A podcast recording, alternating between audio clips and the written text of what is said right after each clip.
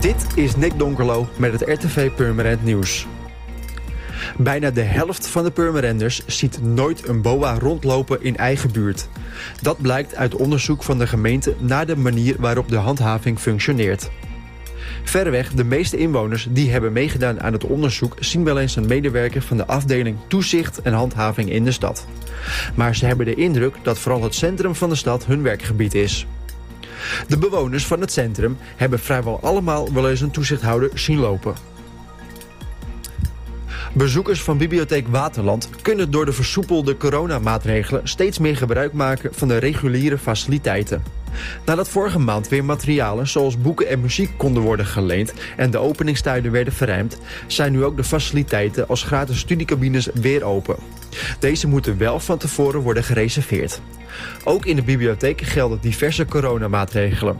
Zo moeten bezoekers bij binnenkomst hun handen desinfecteren en is een mandje bij de ingang meenemen verplicht.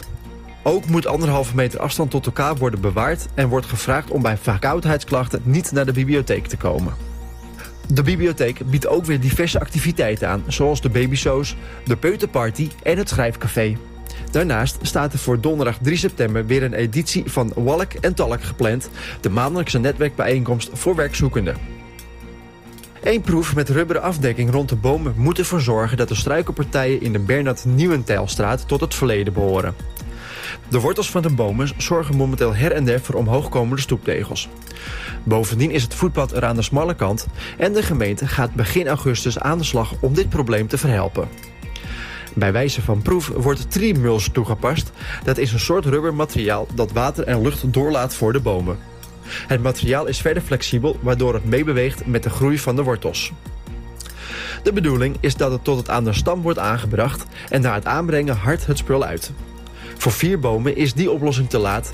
De bomen zijn er nu zo slecht aan toe dat ze gekapt moeten worden.